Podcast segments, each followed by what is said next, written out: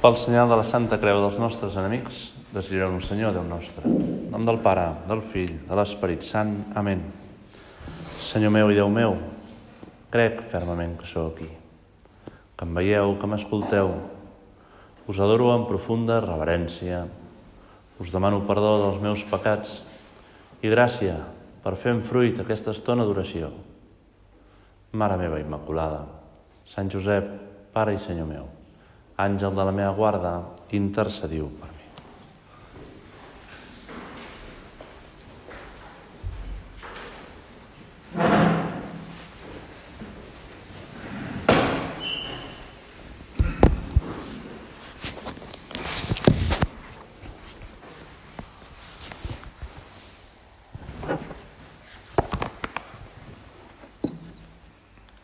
Fa uns anys vaig llegir un testimoni de la pàgina web de l'Opus Dei. Una supernumerària que havia sigut una cabra boja, molt cabra boja. Explicava la seva etapa als clubs un desastre. Havia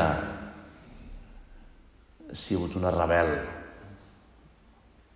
No s'havia deixat ajudar gaire. Explicava que quan feia tercer o quart d'ESO, 15, 16 anys potser, l'havien convidat a un curs de recés i ella encara no tenia gaire interioritat, gaire capacitat de resar, gaire capacitat d'escoltar el Senyor. Havia vist el mossèn amb el micròfon, havia vist que t'apagaven totes les llums, que tot estava fosc. Havia vist que després la taula i el micròfon es guardaven a la sacristia. I durant les meditacions se li va anar ocorrint una idea. Llavors, després d'una de les xerrades, la va posar en pràctica, va anar ràpidament a oratoris, va amagar la sacristia i va connectar el micròfon. Va, aspirar, va esperar a que arribés la més piadosa de totes. I quan la més piadosa de totes, que sí que tenia capacitat de resar, que volia aprofitar el recés per canviar la seva vida, va estar a l'oratori, aquesta, des de la sacristia amb la porta humilleta oberta, va mirar, la va veure, va somriure cap a si mateixa, va agafar el micròfon i posant veu de Déu va dir Margarita. La Margarita immediatament es va posar de genolls amb els ulls ben oberts, parlant, pensant que per fi pues, Déu estava tenint una revelació mística. Aquesta la va veure, va esperar uns segons i va tornar-hi. Margarita! Us en veu de Déu. Llavors la Margarita, que estava de genolls, va contestar amb el primer que se li va acudir, que va ser una frase d'Isaías. Habla, Señor, que tu sierva te la de la sacristia se li va escapar, escapar el riure no va aguantar més. La Margarita, humiliada, se'n va anar ràpidament de l'oratori. Al cap de deu minuts, la trasto aquesta estava a la porta de la casa de convivències amb la maleta feta que la feien fora. Ella estava indignada perquè pensava amb aquesta amb aquesta soberbia que tenen aquests nens a vegades, aquestes edats, que ella estava ajudant a resar a la Margarita i no entenia per què, no la, per què la feien fora. Va deixar d'anar pel centre també enfadada. Però al cap d'uns anys, quan va començar l'època universitària, va tornar a anar per un altre centre i va tornar a anar a un curs de recés. I quan va estar al curs de recés, tampoc encara tenia gaire capacitat de resar, no tenia encara interioritat, no tenia capacitat, Senyor, de saber-se davant teu, ni d'escoltar la teva veu.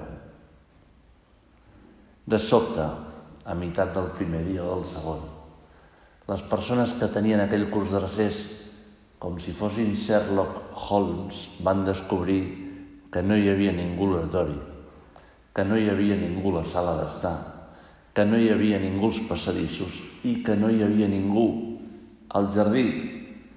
I van dir, aquí està passant alguna cosa estranya. Lo normal és que un curs de recés la gent entri a l'oratori a resar. Investigant una mica van descobrir al final que sortien veus d'una habitació i van entrar a l'habitació d'aquesta que havia portat una màquina de cafè petiteta i estava tot, totes allà al, a l'habitació d'aquestes totes sentades prenent cafè i anar xerrant entre elles.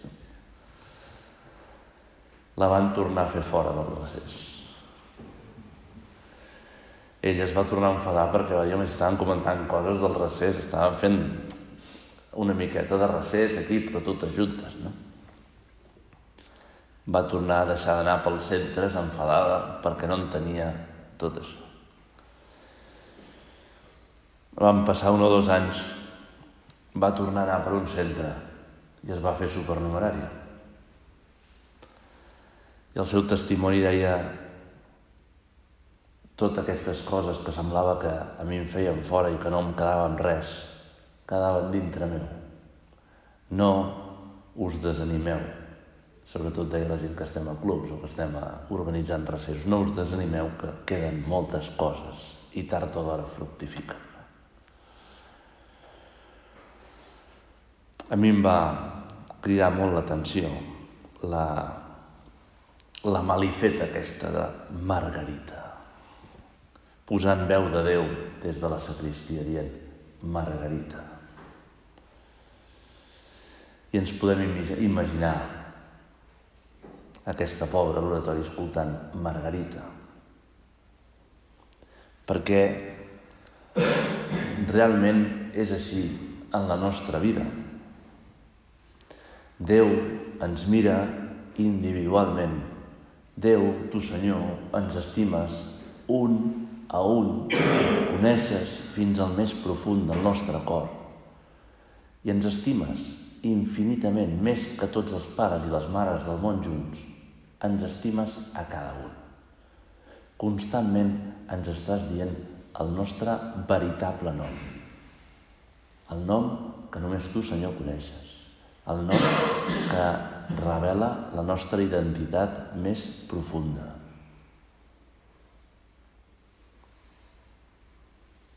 Déu ens mira i ens demana coses i ens parla molt més clarament del que pensem. Nosaltres, que volem ser persones de vida interior, Jesús, hem de lluitar per aconseguir sintonitzar, per aconseguir rebaixar les interferències que hi han en la nostra vida per saber escoltar la teva veu constantment, cada instant de la nostra vida. Sí que és veritat que tenim moments d'oració en què hauria de ser més fàcil. Però, ja que la nostra vocació és enmig del món, moltes vegades aquesta paraula de Déu, aquest sentiment, aquest saber-se fills de Déu, el podem sentir com el nostre pare enmig d'un tramvia ple de gent, enmig del cotxe, enmig de la feina, perquè a tot arreu Déu, tu Senyor, ens estàs mirant i ens estàs cridant pel nostre nom.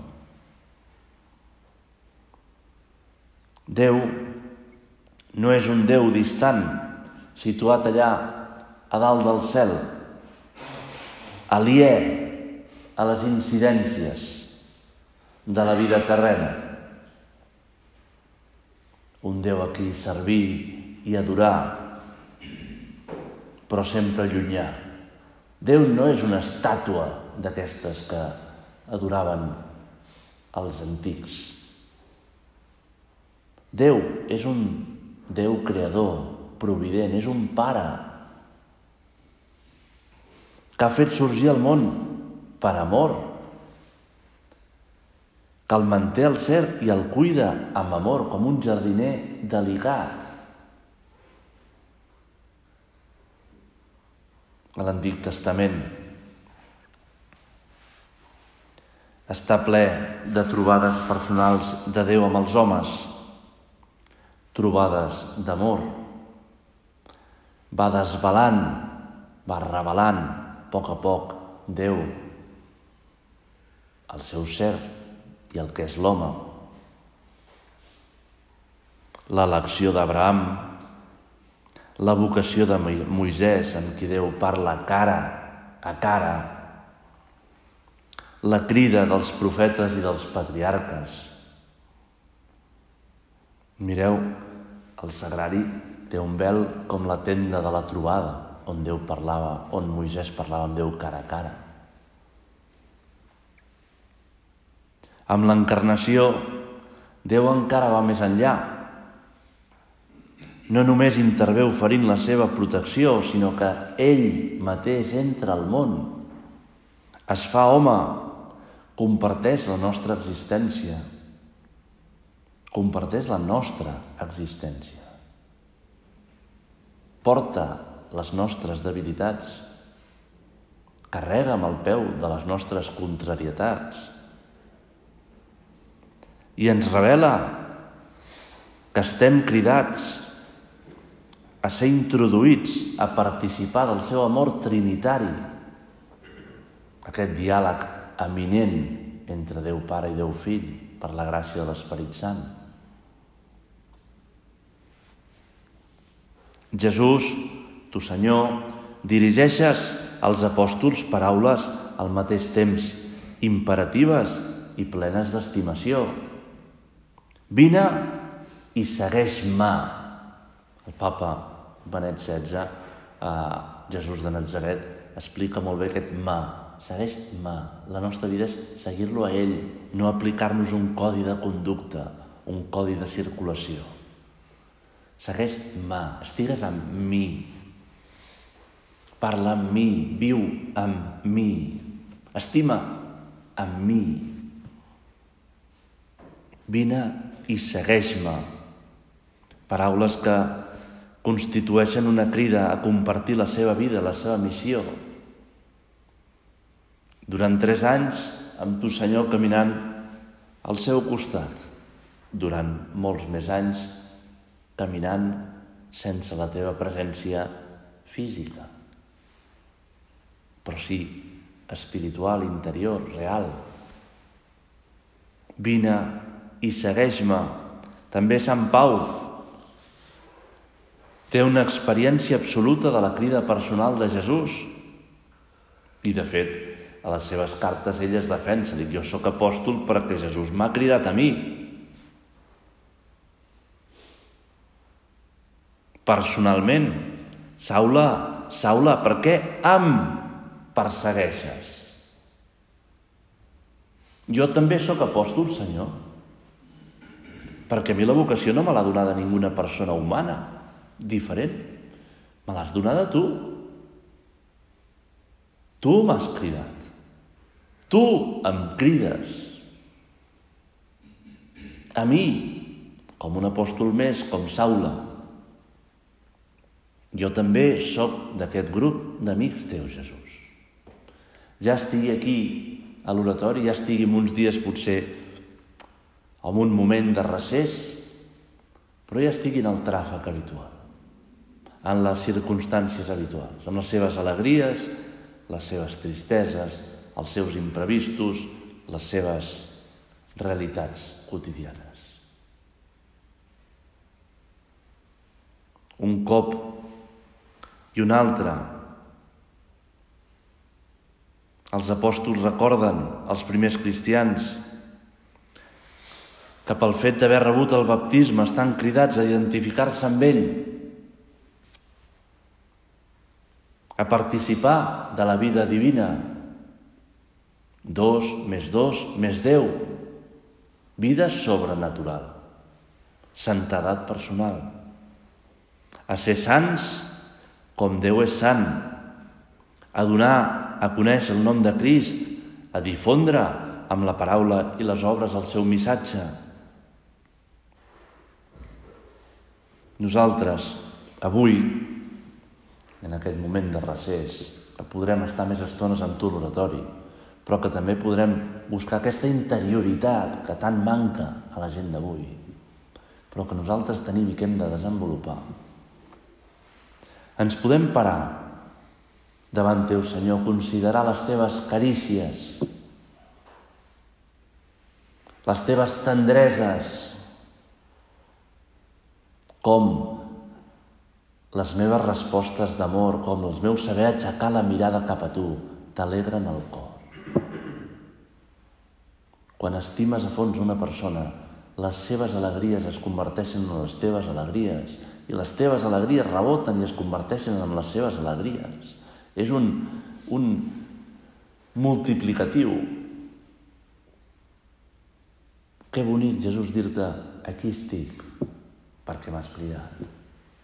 Somriuré amb aquesta circumstància, perquè m'estàs mirant, perquè sóc fill teu, perquè m'estimes. I t'estimo. T'estimo, Jesús. I m'agradaria estimar-te d'una manera, però a vegades t'haig d'estimar en un llocs, circumstàncies i mal de caps que no havia previst, però t'estimo allà, et vull estimar allà. Vull aprendre a sentir-me cridat en allà.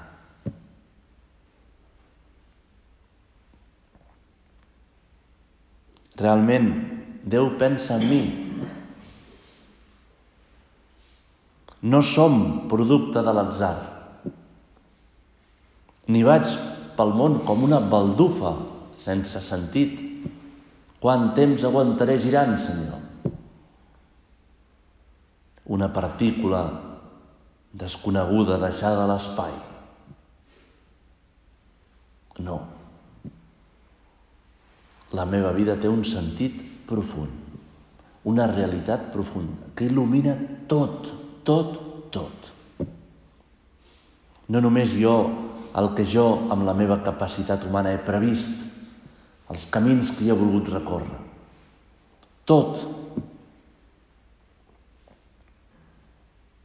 Ajuda'm, Senyor, a ser més conscient de la teva mirada carinyosa. Ajuda'm, Senyor, com la Margarita, a sentir-me cridat a cada instant, amb amor, amb tendresa. que sigui més conscient Jesús de la protecció paternal, de tu que ho has creat tot i que mantens el cert de tot i que ho coneixes tot. No hi ha res que se li escapi al Senyor. No fa falta, Jesús, que un boig agafi el micro, en aquest cas el boig seria jo, i faci veure que Déu em parla. Ja és així quan tanco i, em, i et miro només a tu.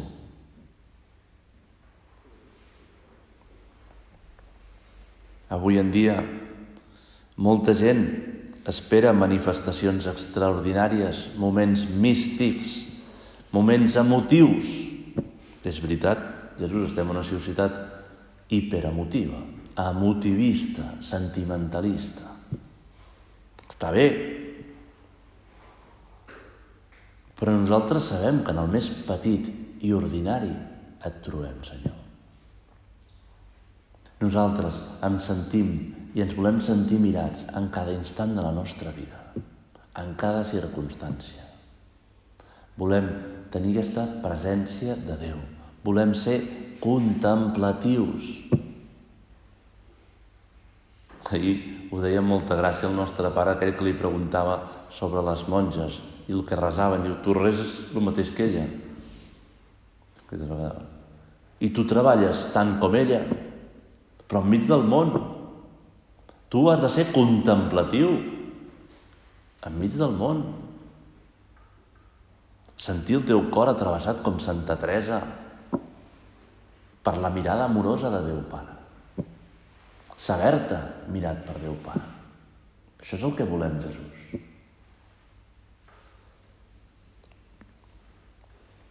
explica una anécdota. Diu, ocurrió durante un mes de voluntariado en las vacaciones de verano. Cuando llegamos a Nairobi, nos preguntábamos cómo nosotros, inexpertos universitarios, podríamos ayudar en aquella África sucia, polvorienta y calurosa. Quizá arreglando tejados, pero no teníamos experiencia en construcción. Quizá pintando un colegio, pero no sabíamos de pintura.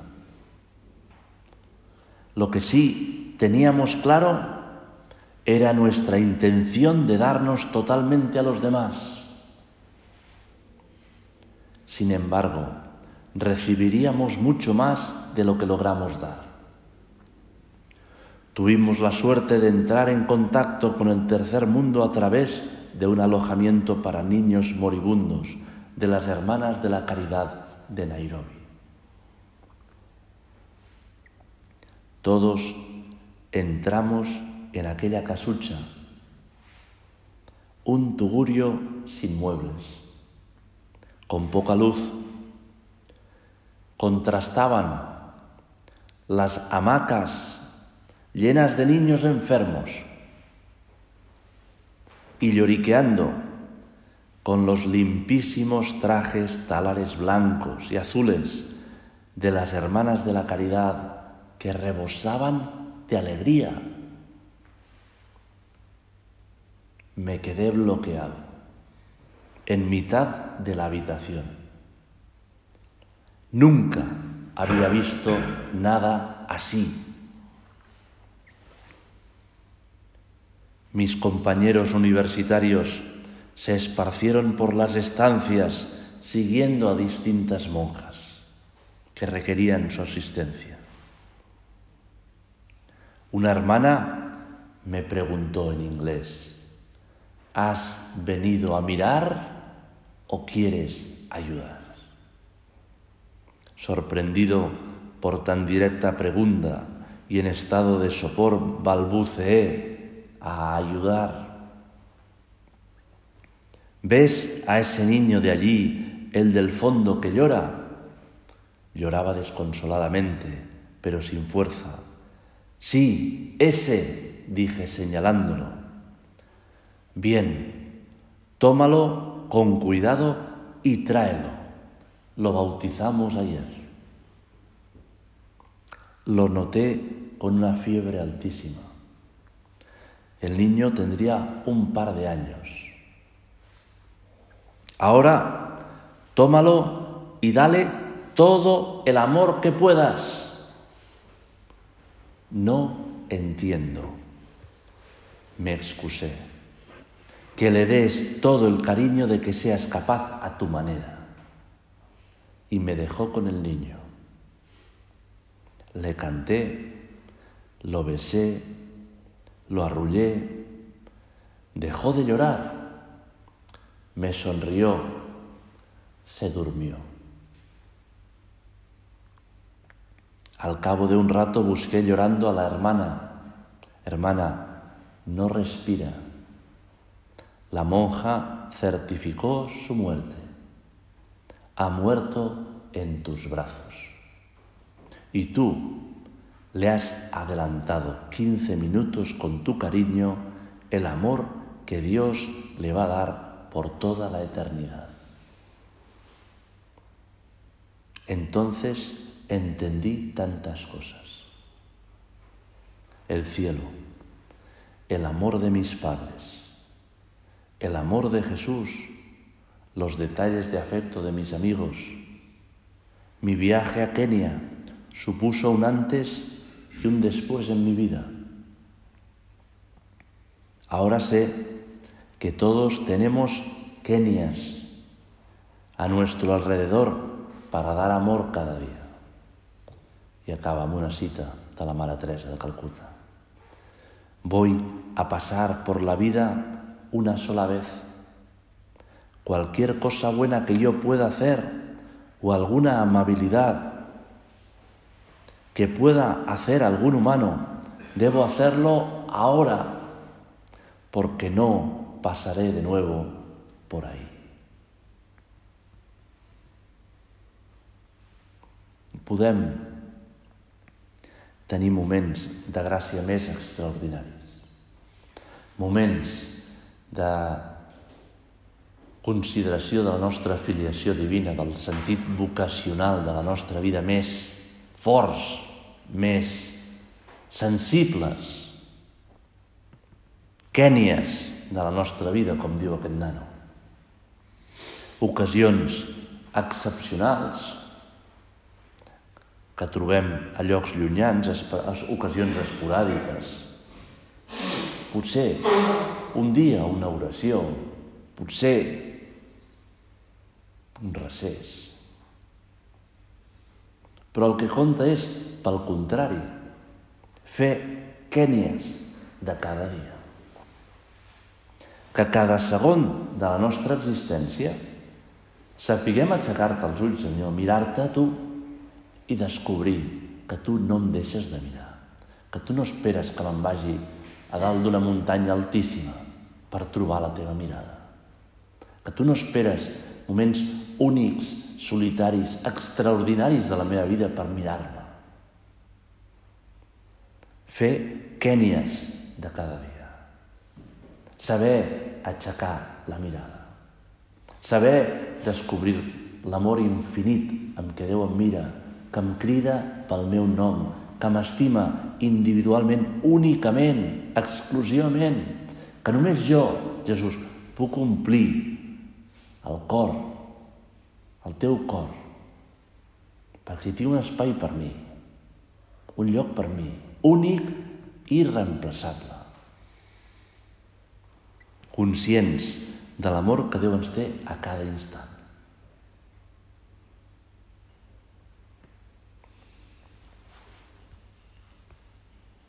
Quan vaig trobar aquesta anècdota de Kènia, em vaig trobar una altra de Kènia que em va fer molta gràcia. Diu així, en un viatge, un missioner a l'est de Kènia, un territori mig desèrtic, distàncies molt llargues, carreteres molt dolentes. Un missioner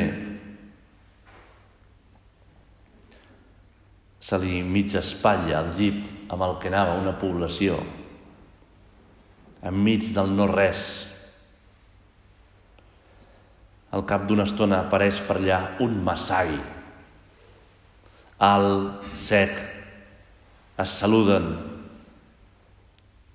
Una estona de silenci, aquesta pausa africana, que no hi ha temps. El missioner al final li pregunta, vius a prop? Aquestes són les meves terres. Tens vaques? Moltes. Tens dona? Moltes. Creus en Déu? Sí. Reses? No. Missioner, se li acaba la corda. Una estona de silenci i el Masai comença a preguntar. I tu, tens terres?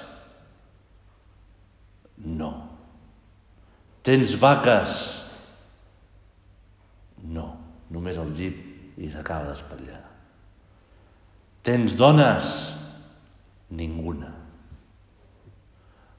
Doncs tu sí que tens que resar.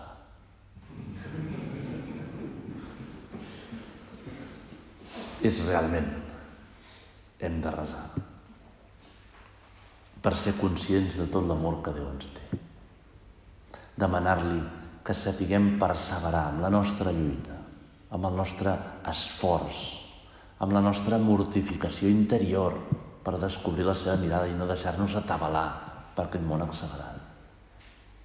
Ser més conscients, Jesús, en la nostra vida de la profunditat del teu amor, de la teva mirada carinyosa. Que no menyspreem, Jesús, la teva mirada carinyosa el que signifiquem a dins del teu cor. I li demanem a la Mare de Déu, ajuda'ns, Mare Nostra, a descobrir aquesta mirada, a tornar-li aquesta mirada al Senyor amb les circumstàncies de cada dia.